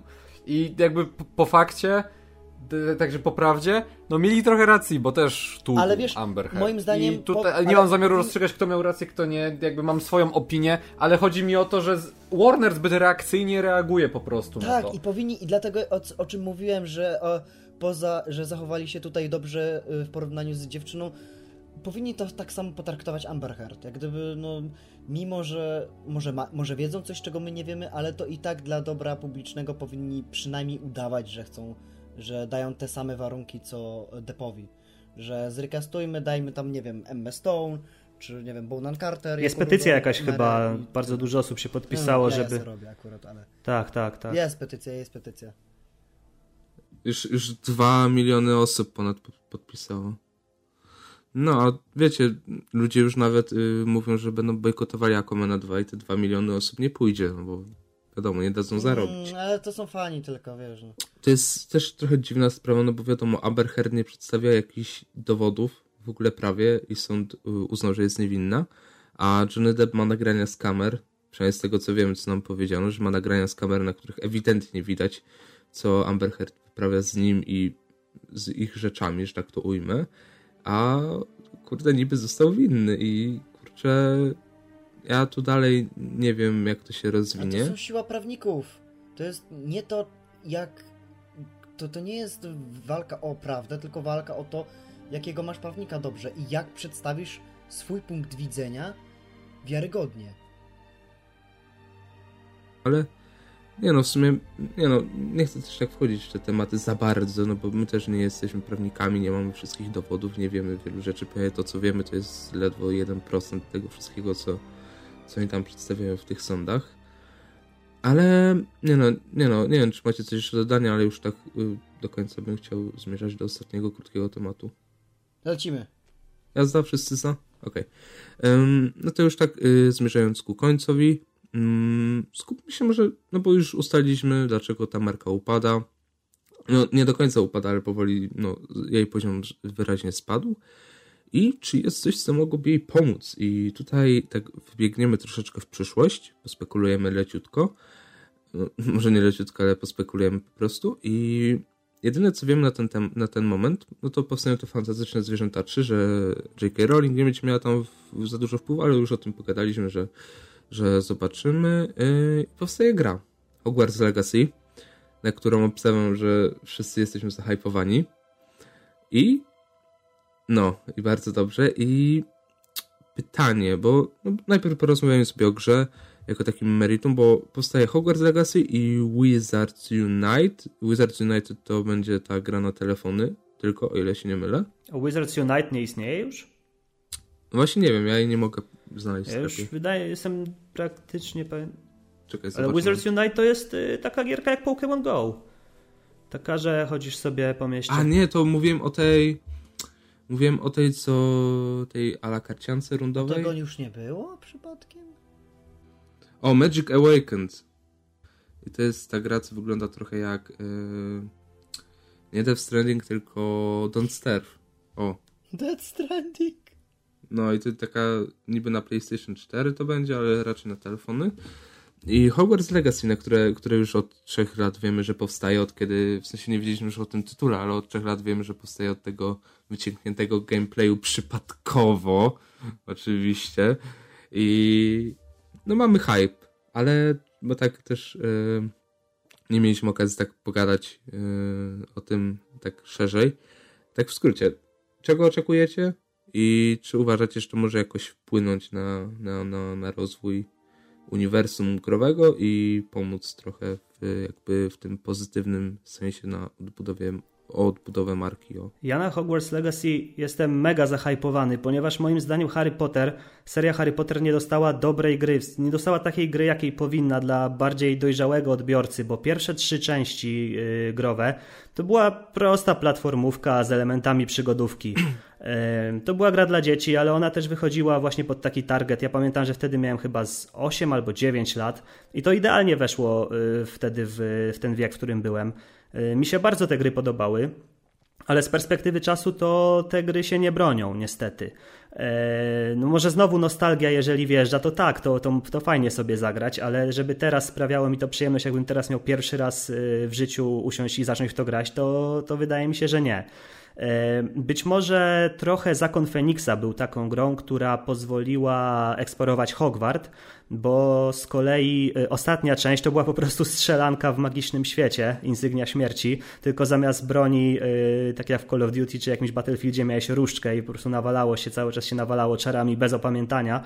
Mm, więc moim zdaniem jedynie Zakon Feniksa to była taka gra, która pozwoliła nam nieskrępowanie zwiedzać Hogwart, trochę zwiedzać magiczny świat, tam też te czary były takie, że nie do końca było wiadomo, kiedy można czarować, kiedy nie. Nie jak w poprzednich częściach, że się tylko najeżdżało na jakiś tam e, symbol na ścianie i wtedy się ten czar robił, jeżeli się go znało. E, tylko trzeba było znać pewne sekwencje i próbować na niektórych rzeczach to zrobić, więc to było super. E, ale mimo wszystko no, Zakon Feniksa dalej to jednak nie była taka gra, która pozwoliłaby eksplorować w takim pełnym, otwartym świecie. A tutaj wydaje mi się, że będzie i szkoła, i, i będzie i Hogsmeade, i różne lokacje do, do eksploracji. Mm, z tego co wiem, ma być jeszcze Zakazany Las, Ministerstwo tak. Magii i chyba Azkaban. Tak. I wydaje się, że tutaj będzie można nieskrępowanie y, zwiedzać te lokacje. I to jest super. I no, fanom Pottera niewiele trzeba. Fanom Pottera trzeba dać y, Hogwart i właśnie tego typu magiczne lokacje, ulicę Pokątną, żeby mogli sobie pochodzić, pozwiedzać i wystarczy. A do tej pory jeszcze nikt tego nie dał w grach, więc cieszę się, że w końcu coś takiego dostaniemy.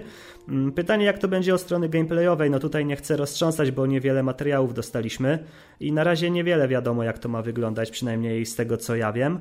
E, ale to, że będzie do zwiedzania magiczny świat w nieskrępowany sposób w otwartym świecie, no to jest super i mi samo to wystarcza. Dlatego ja bardzo czekam na tę grę. No, y, no Hogwarts Legacy to jest takie takie światełko w tunelu trochę. E, to jest taka zapowiedź pozytywnych zmian które mogą nastąpić po tym, jak Rowling w końcu spocznie na laurach i może to nie ona się zacznie zajmować tymi rzeczami. E, w ogóle jakby ja wciąż uważam, że jest masa potencjału w Harrym Potterze, bo to jest uniwersum, które pozwala wyjątkowo na naginanie zasad, bo to jest w końcu magia, nie? I dzięki temu możemy je ciągle rozwijać, rozwijać, pokazywać nowe rzeczy, nowe kraje, nowe szkoły, nowe zaklęcia. E, tylko ja też mam, nadzie mam nadzieję, że to będzie tak jak ze Star Wars i na przykład i ich Expanded Universe, nie? E, żeby po prostu w pewnym momencie się tą serią już zajęli fani, bo ci, którzy byli fanami Harry'ego Pottera w, powiedzmy jak byli dzieciakami, no to w tym momencie już dorastają, albo już są dorośli. I może niech oni piszą jakieś opowiadania, niech wymyślają nowe, niech powstanie jakaś Harry Potterowa Wikipedia, gdzie będą po prostu, nie wiem, nazwijmy ją e, Potterpedia, o. Wyobraża... Sorry, że ci wtrącę. Wyobrażacie sobie Wyobrażacie sobie Filoniego, ale takiego Filoniego, co robi Pottery? W sensie takiego y, odpowiednik Filoniego u Potter, y, W sensie... Ej, to jest ciężkie pytanie, no bo każdy reżyser miał swój styl, jeśli chodzi o Harry'ego Pottera, ale kurde, no, no mówi się o tym Quaronie, że on chciałby wrócić do tej serii mówi się o tym serialu, że ma powstać. Więc, wiecie, idealne połączenie.